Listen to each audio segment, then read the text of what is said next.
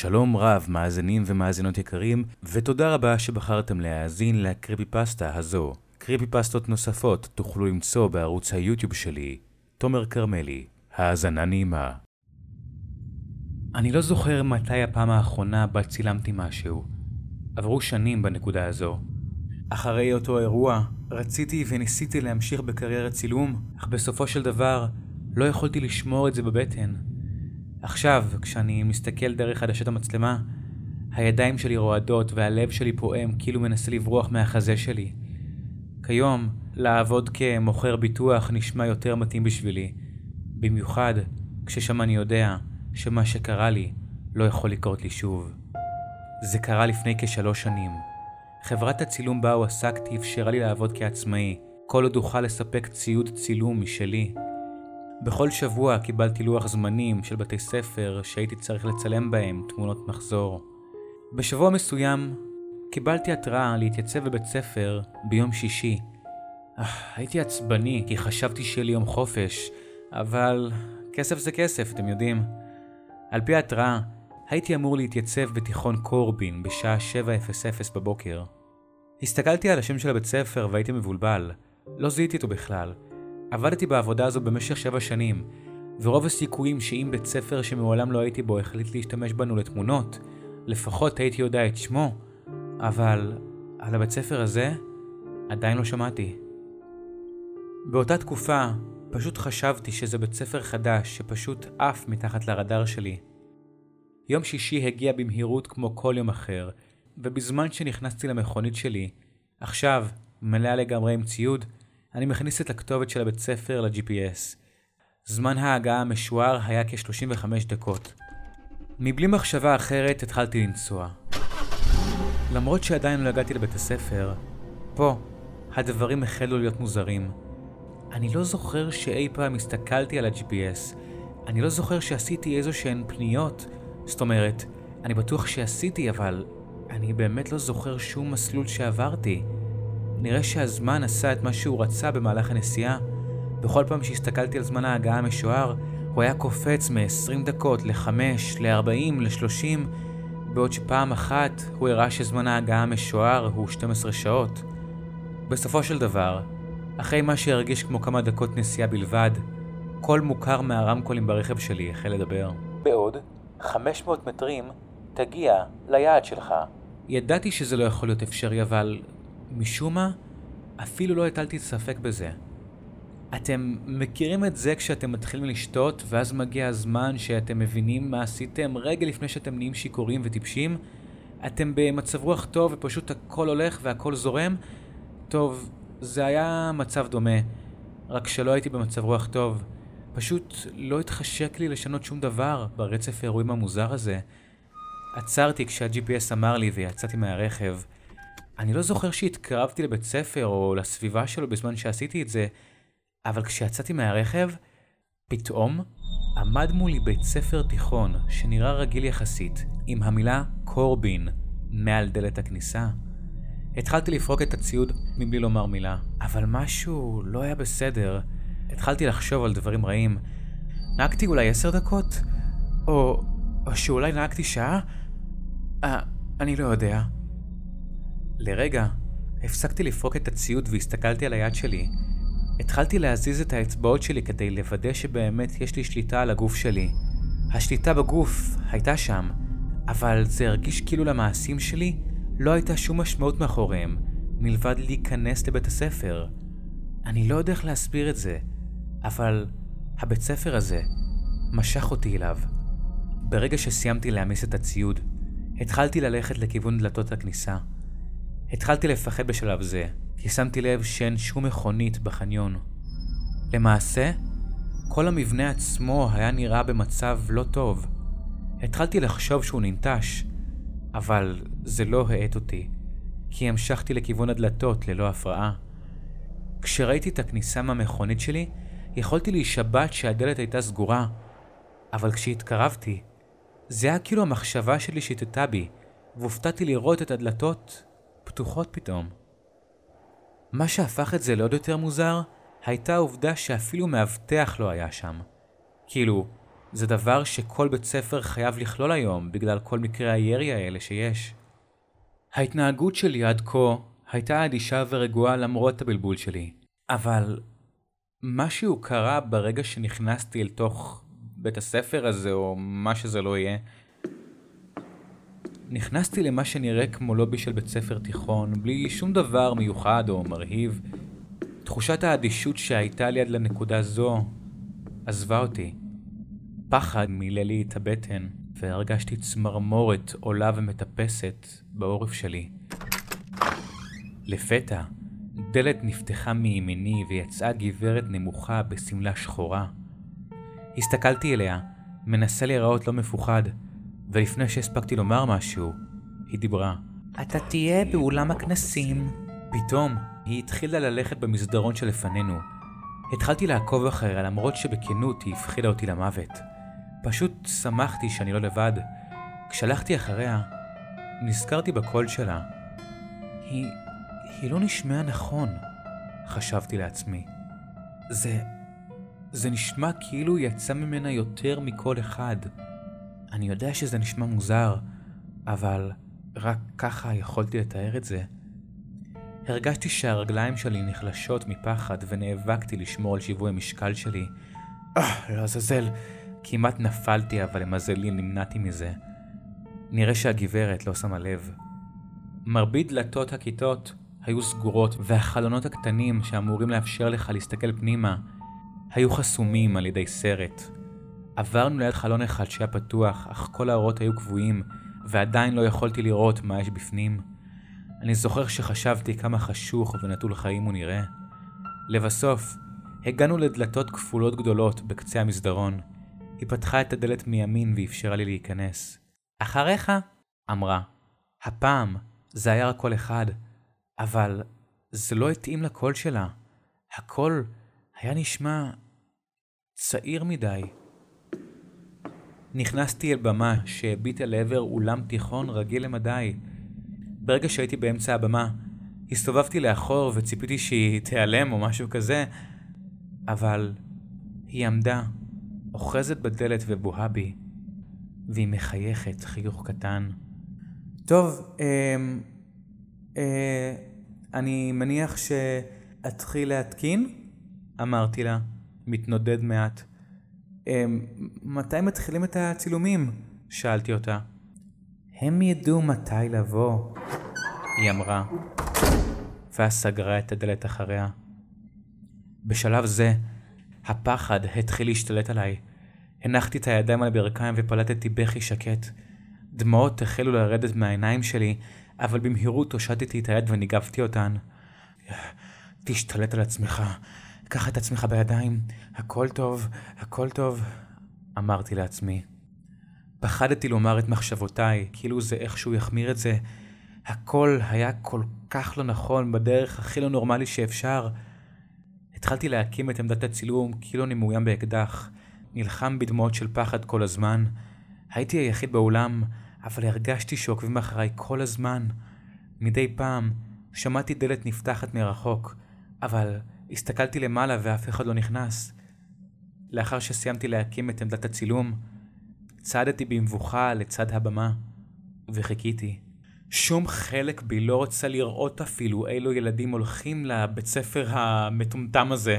הייתי צריך לצאת מהעולם הזה ולעזוב את התיכון הזה לעזאזל. אמרתי לעצמי בשקט. למה פשוט לא פאקינג עזבתי את המקום הארור הזה? באותה שנייה נחבו כל האורות באולם, חוץ מאורות הבמה. הלכתי משמאל למסך הירוק שהקמתי, והבטתי החוצה, אל החושך. זה היה חושך מסוג אחר. זה לא היה כאילו תאורה פשוט נכבתה מעבר לבמה, אלא כאילו הבמה עצמה היא המקום בו החדר התחיל והסתיים. כאילו הבמה הייתה מקום יחיד בריק אינסופי. אחרי אין סוף של מחשבות בראש שלי, סוף סוף שמעתי משהו. זו הייתה דלת שנפתחה מרחוק רחוק, ככל הנראה, מהחלק האחורי של האולם. היא נפתחה, אך לא שמעתי אותה נסגרת. ניסיתי להקשיב יותר, ויכולתי לשמוע תזוזה בחושך. התאוששתי לאט לאט מאחורי המצלמה שלי ועצרתי את נשימתי כשהצליל התקרב לבמה. ואז, כאילו נולדה מהחלל הריק, ילדה שנראתה בת 16 עלתה לבמה. הסתכלתי מבולבל כשהיא הלכה קדימה ומסביב למסך הירוק. היא התקרבה לשרפרף והתיישבה בתנוחה נכונה מבלי שנאלצתי לומר שום דבר. היא ישבה זקופה וחייכה חיוך רחב על המצלמה. בהיתי בה מעט. לא ממש יודע מה לעשות או לומר. ממש נדהמתי מאיך נורמלית היא נראתה. נורמלית לעומת המקום הארור הזה. היה לה שיער חום שעצר בכתפיה, והיא לבשה סוודר שחור עם שרשרת צבעונית. היא גם לבשה גרביונים גבוהים, מכוסים חלקית במכנסי ג'ינס כחולים כהים, אבל הדבר היחיד שהיה לא נראה נכון, דבר שגרם לצמרמורת בגוף שלי, זה העובדה שהיא לא מצמצה פעם אחת מאז שהיא עלתה לבמה. במבוכה, הנחתי את הידיים שלי על המצלמה. העין שלי נצמדה לעינית ובמהירות צילמתי את התמונה. ציפיתי למשהו דפוק על מסך התצוגה המקדימה, בדקתי את זה, אבל היא הייתה שם, בדיוק כמו שהיא נראתה בחיים האמיתיים. מיד אחרי זה, החיוך שלה נעלם והיא נעמדה. הלכה ימינה ועזבה בדרך ההפוכה שממנה היא באה. עדיין, לא מצמצה אפילו פעם אחת. לפני שהאורות כבו, ידעתי שראיתי מדרגות שמובילות לבמה, אבל כשיצאה מהבמה, היא לא ירדה. היא פשוט נעלמה בחושך, כאילו היא מעולם לא הייתה קיימת מלכתחילה. לפתע, שמעתי תזוזה מצד שמאל וראיתי גבר צעיר עם קפוצ'ון אפור עולה לבמה. מאותו מקום שנכנסה הילדה. באותה צורה, הוא התקרב אל השרפרף וישב מחייך בעיניים פקוחות, לא ממצמץ.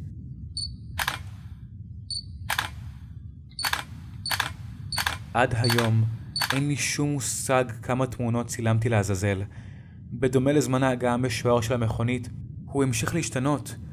הייתי אומר 150, 400 או לפעמים 8 תמונות, למרות שידעתי שצילמתי לפחות שעה. לא משנה כמה תלמידים היו, אף אחד מהם לא מצמץ או דיבר בכלל בזמן הצילום. ברגע שצילמתי הם עזבו מצד ימין ונעלמו אל תוך החשיכה. בסופו של דבר, אחרי שאלוהים יודע כמה זמן עבר, התלמיד האחרון עזב, ואז הדממה חזרה. איש לא הגיע משמאל כדי להצטלם. הרגשתי זעזוע קטן של תקווה וחשבתי שסיימתי סוף סוף. קדימה, קדימה אורות, תחזרו. ואז שמעתי את כל הדלתות באולם נפתחות. קפצתי במקום ופלטתי צרחה. עדיין לא הצלחתי לראות, אבל זה היה נשמע כאילו מאות אנשים ממלאים את האולם ויושבים במושבים. שמעתי את החריקות של הכיסאות כשהם ממלאים את האולם ועוברים במעברים. זה התחיל רועש מעט, אבל התחלף בלחישות. כולם מעבר לבמה שוחחו ביניהם בשקט. התאמצתי לשמוע מה הם אומרים. התחלתי לנוע לכיוון הקצה של הבמה, אבל מבט אחד אל תוך החושך ולא יכולתי להתקדם יותר. במקום זה, הלכתי מול המצלמה ונעמדתי ממש מאחורי השרפרף מול המסך הירוק, כשהוא חוסם את הראייה שלי. הרגשתי קצת יותר בנוח לא להיות מול החושך מלא האנשים הזה. אחרי שנייה הבנתי שכולם פשוט אומרים מילה אחת, שוב ושוב. אבל אף פעם לא הצלחתי להתרכז ולהבין מה המילה הזאת. התאמצתי יותר בניסיון להקשיב לכולם בבת אחת. שמעתי בהתחלה את האות זין, לאחר ניסיון נוסף שמעתי גם את האות צדיק. ואז זה הכה בי. כאילו במיוחד כדי לתת לי להבין מה הם אומרים, הלחישות הופסקו לרגע קצר. אבל אז שמעתי לחישה של כולם אומרים את המילה ביחד. צ'יז. אוי אלוהים. שמעתי תנועה מאחוריי והסתובבתי במהירות לראות מה זה. התגובה היחידה שיכולתי לבצע היא לקפוא מפחד. מהווילונות, בחלק האחורי של הבמה, צצה לפתע זרוע ארוכה שהושיטה יד ונגעה בכפתור המצלמה. התבוננתי בה. היא הייתה ארוכה, אבל בצורה בכלל לא אנושית. המצלמה הייתה במרחק של מטר וחצי מאחורי הבמה, אבל הזרוע המשיכה לצאת מהווילונות ללא כתף בסוף. האצבעות היו ארוכות, וכשהן נחתו על כפתור הצילום, ראיתי שאין בהן ציפורניים, רק בשר ואור עקוב. מיד אחרי שהמצלמה צילמה את התמונה, האולם פרץ בצרחות. זה היה צווחני וגרם לי לכווץ את האוזניים שלי. ואז צליל נוסף הגיע מעבר לבמה. את זה יכולתי להרגיש מהבמה שעמדתי עליה. כולם, כל התלמידים או מה שלעזאזל זה לא יהיה, התקרבו במהירות לכיוון הבמה. הסתובבתי ורצתי לדלת שנכנסתי אליה. חששתי שלא תיפתח, אבל למזלי, פרצתי דרכה ורצתי במסדרון. מאחוריי שמעתי מכה חזקה שנשמעה כאילו הם שוברים את הדלתות, אבל לא העזתי להסתכל לאחור. המשכתי לרוץ, אבל הרגשתי את הלב שלי שוקע כשהבנתי שלמרות שיכולתי לראות את כל החדרים מהצדדים שלי חולפים על פניי במהירות, היציאה בסוף המסדרון אליה רצתי לא התקרבה אליי. הרעשים מאחוריי התקרבו והתקרבו, אבל עדיין היה לי יתרון עליהם. רצתי כל כך הרבה זמן שהבטן שלי הרגישה כאילו היא בוערת והברכיים שלי התחילו לזעוק מכאב. בסופו של דבר, קלטתי את אותו החדר ששמתי לב אליו קודם לכן. החדר היחיד שהחלון שלו היה פתוח. היציאה עדיין נראתה רחוקה כמו קודם, לכן ראיתי בזה כהסיכוי האחרון שלי לחופש. חתכתי ימינה בריצה והתקרבתי במהירות לחדר, עדיין לא מסוגל לראות מה מאחוריי. נכנסתי לחדר והסתובבתי מבלי לחשוב לסגור את הדלת אחריי, ובמקרה ראיתי את מה שרדף אחריי. חשבתי שזה פשוט המון של תלמידים מתים, אבל זה היה משהו אחר. זו הייתה האישה ממקודם שפתחה לי את האולם, אבל היו לה מאות, אולי אפילו אלפי זרועות רקובות ארוכות ורזות שיצאו מתוך הגב שלה, זהות לזרוע הארוכה והרקובה שצילמה את התמונה שלי. הם החזיקו בשני הקירות, הרצפה והתקרה כדי להניע אותה דרך המסדרון. הגופה שלה השתלשל והתנוענע מבלי שהיא יכולה לשלוט בו. כאילו הגוף היה רק קליפה כדי להסתיר את המפלצתיות הזאת שבפנים. אחרי שפניתי לכיוון החדר ונכנסתי פנימה, צרחתי כשכף הרגל שלי לא פגשה רצפה. במקום זה, נפלתי אל חלל ריק וחשוך, למה שהרגיש כמו עשרה מטרים. הגנתי לעצמי וציפיתי ליפול הרבה יותר זמן, אבל אז... פגעתי בקרקע. קפצתי פעם אחת והתהפכתי כמה פעמים לפני שנעצרתי. העיניים שלי היו עצומות, אבל עדיין יכולתי להרגיש על מה הייתי. הייתי מבולבל, כי מה שהרגשתי זה דשא. שמעתי עוד צליל. זה נשמע כמו רוח. עלים רעדו באוויר וציפורים רחוקות צייצו מהשמיים. הרגשתי את הכתפיים שלי מלוכלכות באדמה. אחרי כמה רגעים, סוף סוף החלטתי לפקוח את העיניים. הייתי בחוץ. הזזתי את גופי, קמתי לתנוחת ישיבה. מה, מה לעזאזל? אמרתי בקול רם. דבר נוסף ששמתי לב אליו, זה שלא היה לי קוצר נשימה, והרגליים שלי הרגישו בסדר גמור. כאילו, הייתי אמור להתחנן לאוויר ולהתנשף בכבדות אחרי שרצתי כל כך קשה, אבל הנשימה שלי הייתה רגילה. כאילו כל זה לא קרה עכשיו. קמתי לאט, לא ממש בטוח איך להרגיש. ואז שמתי לב למכונית שלי. היא הייתה מולי, בדיוק במקום בו החניתי אותה. מה לעזאזל? הסתובבתי במהירות וציפיתי לראות את בית הספר, אבל הוא נעלם. במקומו עמדה קרחת יער קטנה עם כמה עצים וצמחים אחרים. תחושת הקלה הציפה אותי ורצתי לרכב שלי. כשהתקרבתי, שמתי לב שהציוד שלי עדיין מאחור, בבגאז'. אבל לא היה לי אכפת. רק רציתי לנסוע משם ומעולם לא לחזור למקום הארור הזה. הנסיעה הביתה הייתה שקטה. נסעתי 40 קמ"ש מעל המהירות המותרת. חלק בתוכי רצה לעצור את הרכב רק לשנייה כדי לראות אם יש מישהו במקום המזדיין הזה, הפעם 35 דקות נראו זמן סביר מהבית ספר לבית שלי, אבל בזכות המהירות בה נסעתי, קיצרתי את הנסיעה ל-20 דקות. רצתי לתוך הבית שלי וכמעט התעלפתי בכניסה. פתחתי את דלת השירותים, הרמתי את מכסה האסלה והכיתי הכל לתוכו. כשסיימתי, עברתי על הכל בראש. האם זה היה חלום? התעלפתי? הגיהנום הזה לגמרי הרגיש אמיתי. בדקתי את השעה ונראה שלא הייתי בבית כולה שעה. וזה בלתי אפשרי בגלל שהייתי בבית הספר לפחות שעה וחצי, לא כולל את הזמן של הנסיעה לשם וחזרה. יצאתי החוצה למכונית שלי ולקחתי את המצלמה. לאחר שהפעלתי אותה בדקתי אם יש תמונות. תאמינו לי, אם הייתי יכול לחזור הייתי שורף את כל התמונות ברגע שחזרתי הביתה. אבל יש סיבה בגללה אני כותב את הסיפור הזה עכשיו, לא? כשפתחתי את המצלמה, הייתה בה רק תמונה אחת. התמונה שלי. הדבר הראשון ששמתי לב אליו הוא שחייכתי, למרות שאני יודע בוודאות שלא חייכתי. המסך הירוק שהיה מאחוריי נעלם, והיה אפשר לראות מאחוריי את האולם. שלפתי במהירות את כרטיס הזיכרון מחריץ המצלמה ונכנסתי למחשב שלי. העתקתי את התמונה למחשב ופתחתי אותה על מסך מלא. ואז הצלחתי לראות מה היה מאחוריי.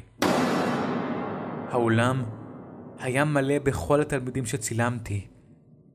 אבל הסיבה היחידה שידעתי שזה היו הם, היה בגלל שחלק מהבגדים שזיהיתי היו שלהם, אבל הבגדים היו לבושים לא על ידי תלמידים, אלא על ידי גופות רקובות. הם לא נראו מתים. כולם הפנו את מבטם למקום בו ישבתי, והרימו את עיניהם מכיסותיהם, והושיטו אל היד חסרת חיים. מה לעזאזל? מיד אחרי זה, התקשרתי לבוס שלי והתפטרתי. הוא כעס כמובן ורצה שאסביר לו למה, אבל פשוט אמרתי לו שקיבלתי הצעה טובה יותר. ניתקתי כשהוא עדיין צועק. במשך שבועות לאחר מכן, ניסיתי למצוא עדויות ברשת על תיכון קורבין, אבל שום זכר לא היה אליו. אפילו לא מצאתי עיירה בשם קורבין, שלא לדבר על בית ספר. ניסיתי לחפש את הכתובת, אבל לא זכרתי אותה, ולא היה שום היסטוריה על הפלאפון שלי. למעשה, כשאני חושב על הרגע ההוא, אני לא זוכר ממש שהקלטתי כתובת. כאילו פתחתי את הטלפון שלי והוא ניווט אותי לשם אוטומטית. ופשוט זרמתי עם זה. לגבי כרטיס הזיכרון עם התמונה ההיא, אני לא יכול להרוס אותו. לא שניסיתי ונכשלתי, זה פשוט... אני נקשר אליו בצורה כלשהי. אני שומע אותו לפעמים. קורה לי להסתכל על התמונה רק פעם נוספת, אבל תמיד יש פעם נוספת אחרי זה. התמונה משתנה בכל פעם שאני מסתכל עליה. בכל פעם התלמידים מחליפים מקומות, או שהחיוך שלהם רחב יותר או קטן יותר, אבל לא משנה כמה פעמים החיוכים שלהם השתנו, אני תמיד מחייך. עד היום, פעם אחת נוספת החלטתי להציץ בתמונה. בשלב זה, אני כבר רגיל להסתכל. לשים לב להבדלים הקטנים ואז להמשיך ביום שלי. באמת התרגלתי לזה, אבל חלק ממני יודע שאני לא אחזיק מעמד עם זה בקרוב. אני לא יודע כמה זמן נשאר לי, כי היום הייתה הפעם ה-358 שאני מסתכל על התמונה. המשכתי לספור מתוך סקרנות רק למקרה שזה ישאיר אותי שפוי. אני חושב שהיום זו הייתה הפעם האחרונה, אבל מעולם לא דמיינתי שהפעם האחרונה תהיה כזאת נוראית. התמונה הייתה שונה יותר משהייתה אי פעם. האולם היה ריק, למעט מושב אחד, מלפנים, מושב במרכז, ובמושב הזה ישב האדם היחיד באולם. האיש הזה היה אני. הפעם החיוך שלי נעלם, ואז הבחנתי בזה. בסוף האולם, ממש אחרי השורה האחרונה, הייתה צללית. הצללית של האישה המבוגרת. ישבתי בתמונה כששתי הידיים שלי מונחות על ברכיי, בוהה ישר במצלמה, והיא מאחוריי. אבל הדבר שהטריד אותי הכי הרבה בתמונה זה שהחולצה שאני לובש בתמונה היא בדיוק אותה חולצה שאני לובש עכשיו. כדי לגרום לזה להישמע יותר נורא, הסטתי את המבט רק לרגע מהמצלמה, וכשחזרתי להסתכל בתמונה, הזקנה לפתע התקרבה, כאילו התמונה שונתה ברגע. לא יכולתי להסתכל על זה.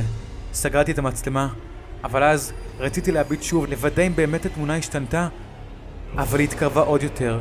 שורה אחרי שורה היא מתקרבת בכל פעם שאני ממצמץ, עד שהצללית שלה עומדת מאחוריי.